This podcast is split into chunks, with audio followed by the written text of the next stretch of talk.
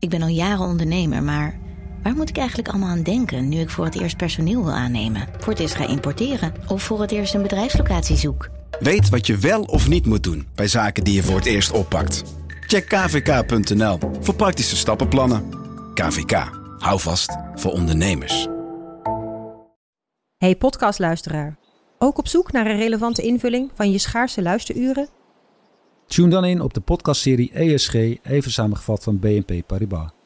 Wij, Marloes en Aldert, spreken daar duurzame voorlopers en wereldverbeteraars. Waarover dan? Nou, bijvoorbeeld of we ooit duurzaam kunnen gaan vliegen. En waarom koeien in de stad nou een goed idee is? Dat en meer elke twee weken in een nieuwe aflevering. Dus abonneer je. ESG, even samengevat.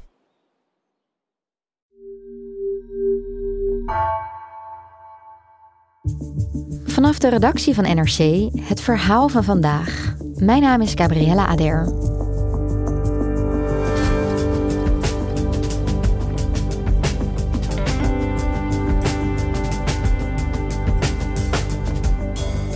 Tintelingen, spierzwakte, hersenmist en concentratieproblemen. Een zeer kleine groep Nederlanders kampt met long-covid-achtige klachten en verdenkt het coronavaccin. Of vaccinaties de oorzaak zijn van de klachten is niet te bewijzen.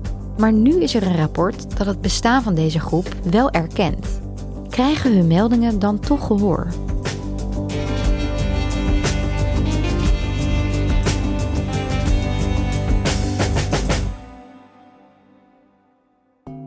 Dit soort gesprekken, dat is echt heel zwaar voor mij. Want ik heb ook expres deze dag eigenlijk nog niks anders gedaan om echt voor te bereiden op dit gesprek. Want ik had gisteren dus ook al een telefoongesprek met je collega. En daarna was ik ook echt helemaal uitgeteld op de bank. Hoofdpijn, brain fog. Dus dit is wel zwaar, maar ik vind het wel belangrijk om te doen. Dus daarom heb ik ja gezegd. Dit is Isa van Alphen. Ze is 29 jaar. De klachten waar ze het over heeft, die klinken je misschien wel bekend in de oren. Long-covid-achtige klachten. Alleen Isa heeft deze klachten niet ontwikkeld na een covid-infectie. Ik was net teruggekomen in Nederland. Toen anderhalf jaar in Japan geweest om Japans te studeren en nou, de cultuur een beetje te proeven. Genieten van het eten daar. En toen was ik eigenlijk net een maandje terug, um, gelijk ook weer aan het werk gegaan hier in Nederland als uh, projectengineer. En toen was ik daar nou, een maand aan het werk en toen kreeg ik mijn vaccin. Op een zaterdag was dat. Net als veel andere mensen in Nederland kreeg Isa haar eerste COVID-vaccinatie in 2021, het begin van de vaccinatiecampagnes. En uh, in haar geval op 10 juli 2021. De dag daarna voelde ik me goed. Maandag ook gewoon naar werk geweest, eigenlijk nergens last van. En toen dinsdagmiddag merkte ik dat ik op mijn werk zat en wat minder kon concentreren. Het werd een beetje vaag wat ik zag. Dus ik dacht, oké, nou, dit zijn de bijwerkingen van het vaccin. Want ik wist, iedereen wordt een beetje ziek, koorts. Um, dus ik ging naar huis. Ik dacht, nou, ik ga gewoon lekker op de bank liggen. En toen ging ik opstaan om avond te eten met mijn familie. En toen zei mijn moeder, ja, je, ziet er echt niet goed uit. Uh, mag ik even je hartslag meten? Nou ja, toen was ik dus 140 uh, hartslag in rust. Dus dat is uh, vrij hoog. Dus gelijk naar spoed gegaan. Isa's verhaal stopt niet hier. Haar klachten verergeren, ze is futloos, ze heeft weinig energie, concentratieproblemen en ze is inmiddels gestopt met werken. Ze zit al bijna drie jaar thuis. Mijn overwegingen om het vaccin te nemen waren eigenlijk gewoon dat ik dacht: ik wil ervoor zorgen dat mensen die, ja, de zwakke groep, dat die niet ook besmet worden en dan ernstige gevolgen ervan krijgen. Um, want ik was gezond. Ik ging er niet van uit dat ik iets heftigs zou krijgen door COVID. Dus het was meer dat ik dacht voor de mensen die het niet zo goed aankunnen, groepsimmuniteit. Um, dus ja, dat, dat was eigenlijk mijn beweegreden om het vaccin te nemen. Maar ja, daar heb ik uh, duur voor moeten betalen uiteindelijk. Dit is heel zeldzaam, maar er zijn in Nederland meer mensen die denken dat hun langdurige klachten zijn ontstaan na hun coronavaccinatie.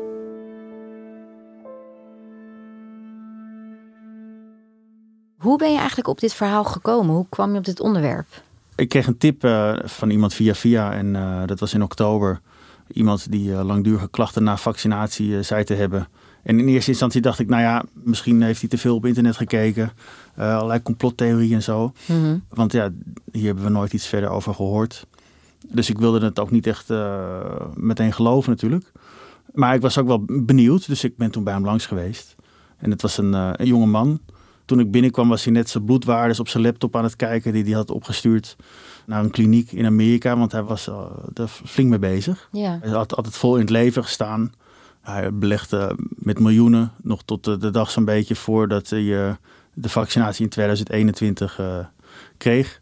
Vijf dagen later kreeg hij klachten. En sindsdien zat hij eigenlijk zo, zo, goed als thuis in zijn eentje. Ik was ook wel benieuwd van ja, zijn er nou meer mensen zoals hij die deze klachten hebben? Ik had zelf wel het idee dat het met het vaccin te maken had, omdat het nou ja, 2,5 dag erna was. Um, en dit soort klachten, ik heb het nog nooit gehad. En het enige wat veranderd was in mijn patroon was dat ik een vaccin had gekregen. Um, maar de dokters waren toen nog wel een beetje van, ja, het is wel heel toevallig, maar niemand durfde echt voluit te zeggen, nou, dit moet het vaccin zijn. We spraken 18 mensen en uh, daaruit kwam een, uh, ja, wel een beeld naar voren van mensen die gezond waren en uh, vol in het leven stonden en de prik wilden nemen. En een paar dagen daarna vaak langdurige klachten ontwikkelden. Ja, en wat voor klachten zijn dat precies? Weinig energie, hersenmist, dat je dus niet meer op allerlei dingen komt waar je mee bezig bent. Dat is ook iets van, dus na, na het vaccin, dat ik um, vaak de draad een beetje kwijtraak in mijn verhaal. Of van, oh, wat, wat vroeg je nou eigenlijk? Concentratieproblemen, tintelingen, spierklachten. Uh, ik sprak twee mensen die uh, langzaam praten, bijvoorbeeld. Einde van het weekend kwam en eigenlijk kon ik alleen maar op de bank liggen. En doordat die hartslag ook steeds zo hoog was, was ik ook heel moe. Ik merkte het ook dat ik als ik een glas water wilde pakken, dat het eigenlijk al die beweging van het oppakken van het glas te veel moeite was. En hoe kwamen jullie precies op deze mensen? Het grootste deel kwam tot ons via C-Support. Dat is een overheidsorganisatie die uh, mensen met vooral long-covid uh, helpt. Zij kwamen ook mensen tegen die meenden dat hun klachten, ook long-covid gerelateerde klachten vaak, waren ontstaan na vaccinatie. En het grootste deel van de mensen hebben we via hen uh, gesproken. Maar ook wel via een arts en via een online community. Het was een dwarsdoorsnede van de samenleving. man, vrouw, jong, oud over het algemeen mensen die gezond waren. Niet allemaal. Een deel had ook wel een corona-infectie al eerder gehad. sommigen hadden er ook wel wat langdurige klachten aan overgehouden. Maar het grootste deel was toch gewoon gezond. Die hadden juist ook zin om die vaccinatie te nemen. Want in die tijd, met die lockdowns, ja. was alles dicht. Dus je was blij als je met een vaccinatie weer naar het restaurant kon of naar je vrienden. Maar het waren over het algemeen mensen die vol in het leven stonden. Maar wat me trof was dat ze eigenlijk nu, drie jaar later, heel eenzaam zijn geworden. Ja, alleen maar thuis zitten, dat klinkt aan het begin heel leuk. Lekker Netflix kijken, lekker relaxen. Maar ja, na, na een week of twee denk je al, nou, dit is niks voor mij. Dus ik probeerde steeds weer te werken, maar dan ja, ging het toch weer niet goed. We spraken mensen die eenzaam waren mensen die op zoek waren naar antwoorden. Hoe is mij dit overkomen? En uh, dan willen zoeken op internet naar publicaties in de wetenschap of naar, uh, ja, naar informatie. Naar informatie en ook naar lotgenoten. We spraken iemand die was zo duizelig, want dat is ook een van de klachten. Dat ze eigenlijk niet eens uh, kon scrollen op internet. Ja. Er waren mensen bij die, ja, die wilden best een lotgenotendag organiseren en elkaar treffen. Alleen ze waren zo prikkelgevoelig dat ze niet met meer dan twee mensen in één ruimte konden zijn. Ja, een soort vicieuze cirkel. Ja, één persoon wilde wel met NRC praten, maar was gewoon ja, te vermoeid. Het lukte hem niet. En uh, ja, wat mij vooral trof ook, uh, was dat, uh, dat ze eigenlijk niet werden geloofd. Niet door hun vrienden, hun, hun familie vaak. Als hen werd gevraagd van, goh, hoe kom je aan je klachten, dan dat wilden ze niet zomaar zeggen. Tegen hun vrienden. En ook door artsen werden ze niet allemaal even serieus genomen. Dat was ook een rode draad. Ik merkte heel vaak dat artsen heel erg hun vragenlijstje afgingen. En oké, nou dit is het niet. Ja, dat kan het niet zijn. Oké, zoek het maar verder uit. Um, ik had iets meer gehoopt op wat meer steun vanuit het artsenfront.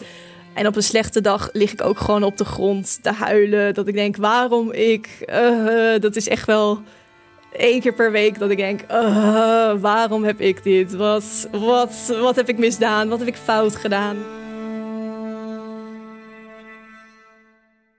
Ja, nou dat klinkt best wel heftig als ik Isa zo hoor.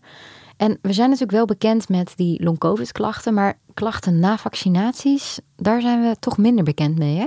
Ja, nou vooropgesteld, we weten niet of het door vaccinaties komt. Ja. Dat bleek wel toen we bezig waren met ons onderzoek. Was er ook uh, het bijwerkingscentrum Blarep, dat ook bezig was met uh, een onderzoek hiernaar. Omdat zij ook zagen dat er een patroon was van mensen. Er was een groep mensen die inderdaad langdurige bijwerkingen hebben na vaccinatie. Ze konden niet concluderen waar die klachten vandaan kwamen. Maar wat Larep wel opviel, was dat veel van die mensen melden dat hun klachten waren ontstaan in ja, één of twee of drie dagen na hun vaccinatie. We spraken met Agnes Kant, de directeur van LAREP, en die vertelde dat dit over een tijdje uit zou komen in een rapport. Ja, en wat stond er precies in dat rapport? Nou, ze zien dus een uh, patroon, een, uh, ja, met nadruk op een patroon tussen de coronavaccinaties en uh, long-covid-achtige klachten na de prik. En dat patroon zagen ze nadat ze de cases heel streng hebben geselecteerd. We hebben in totaal 250.000 meldingen ongeveer gekregen van vermoedens van bijwerking na de coronavaccinaties. En in al die meldingen hebben we gekeken naar de meldingen waar er sprake was van langdurige klachten. Dus klachten die uh, langer dan zes maanden al duren of geduurd hebben. En dat kunnen allerlei soorten klachten zijn. Van hoofdpijn tot misselijkheid tot uh, van alles en nog wat.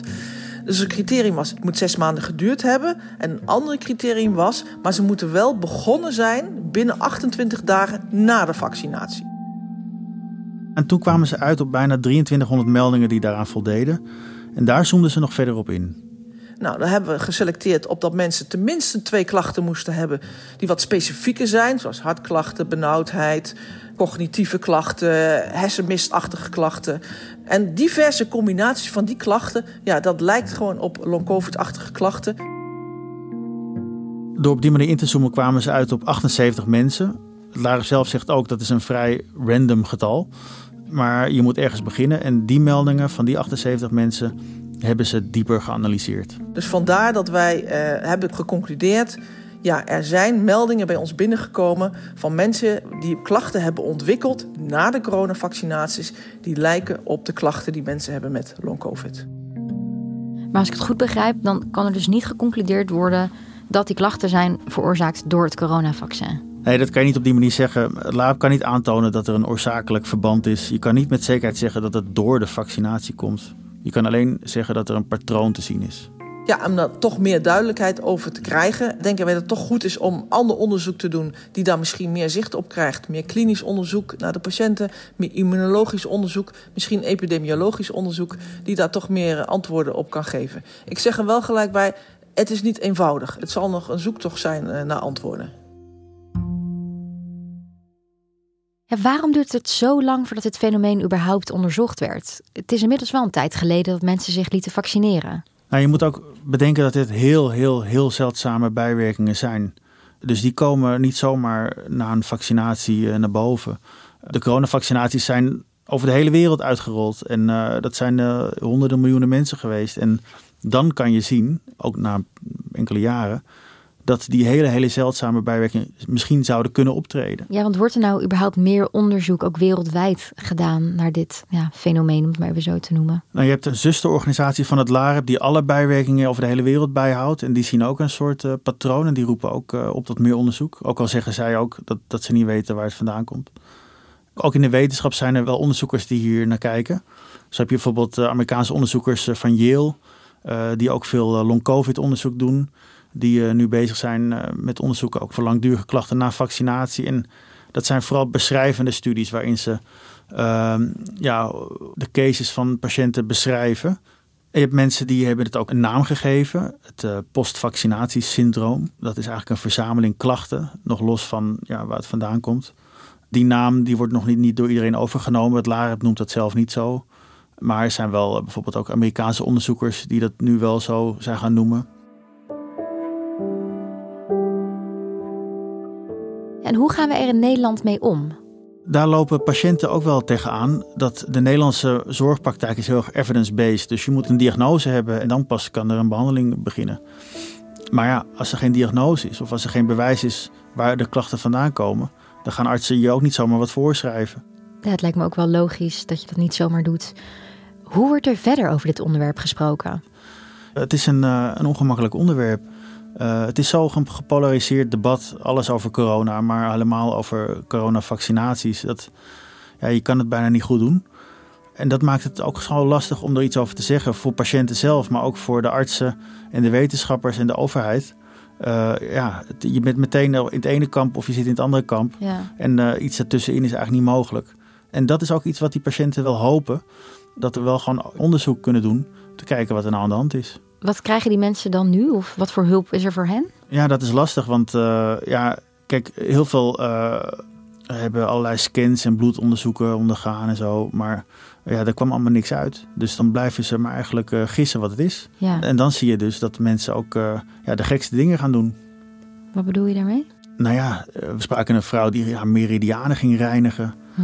Ja, je wordt ook door artsen doorverwezen naar de psycholoog. Aan het begin ga je ook alles testen van, oh, je gaat yoga doen, je gaat de Ice Bath Challenge, je gaat gewoon in koud water, je, je gaat alleen maar vegan eten. Je, je probeert alles om te kijken of het helpt. Sommige die hebben heel PubMed, weet je wel, de, de wetenschappelijke database met artikelen hebben ze doorgespit, elke dag drie uur lang. En die hadden een hoger kennisniveau gekregen dan een gemiddelde immunoloog. Ja. Alleen, uh, ja, het hielp ze niks. Uh, er waren mensen die in het buitenland uh, gingen zoeken naar hulp. Dus die kwamen weer terecht in klinieken. Je hebt één kliniek in Duitsland die deze klachten erkent en daar zegt ook iets aan te kunnen doen. Ze deden onderzoek in Londen, in België, Amerika. Een jongen die wat meer geld had, die ging aan de zuurstof zes maanden lang in de kliniek in Duitsland. Hielp het? Het hielp wel iets. Ja, het kost wel 20.000 euro. Heeft ook niet iedereen? Heeft ook niet iedereen. Ja, dat lijkt me echt super frustrerend uh, voor de patiënten die met deze klachten rondlopen. Hoe gaan zij om met hun nieuwe realiteit? Ze voelen zich een beetje in de kou gezet. Ja. Ja, ze hebben hun best gedaan, maar de overheid kan ze niet helpen. En ze hebben ook het gevoel dat niemand echt hen uh, wil helpen. Een deel van hen uh, die, komt dan ook op internet terecht natuurlijk. En er zijn er ook weer antifaxers die hen op het schild hijsen. Een ander deel wil daar ook niks mee te maken hebben. En heeft zoiets van, ja maar ho, wacht even. Dat schaadt misschien juist onze geloofwaardigheid. Maar het grootste deel heeft überhaupt geen energie om, om zich daar druk over te maken. Die wil gewoon beter worden. En dat is moeilijk als je geen, uh, geen erkenning krijgt voor wat je hebt. Ik ben niet zozeer op zoek naar erkenning dat mijn klachten komen door het vaccin. Um, tuurlijk is het fijn dat je te horen krijgt: je bent niet helemaal gek. Het zit niet tussen je oren. Maar het, ja, het enige wat ik en denk ik iedereen met mij het liefste wil, is dat er gewoon een oplossing komt. Ja, wat denk jij, wat gaat dit rapport betekenen uh, ja, voor de mensen die jij sprak? Ik denk dat het voor hen een, een stap richting erkenning is. En uh, ja, pas als er erkenning komt dan kan er ook iets van acceptatie komen en kan je misschien ook uh, iets verder komen in, de, in behandeling. Het heeft allemaal met elkaar te maken. Je moet wel je genot halen uit kleine dingen. Um, wil je een beetje positief blijven met deze klachten? Omdat het is het enige wat je hebt, die kleine dingen. Je, je kan niet meer de grote dingen. Je kan niet lekker uit eten. Je kan niet even naar de bioscoop. Ja, je zit thuis en je bent blij met een kaarsje in de winter, lekker warm ja, je, je, moet je focus leggen op andere dingen. En ik denk dat ik toen een beetje ben begonnen met het accepteren van oké, ik vind het nog steeds niet leuk, maar ja, je moet het op een gegeven moment accepteren. Wil je verder gaan met je leven?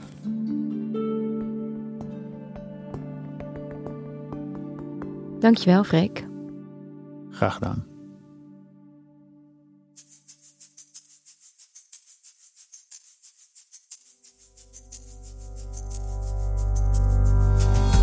Je luisterde naar vandaag, een podcast van NRC. Eén verhaal, elke dag. Deze aflevering werd gemaakt door Suzanne Jutschel, Ruben Best en JP Geersing. Coördinatie Henk Ruigrok van de Werven. Dit was vandaag, morgen weer.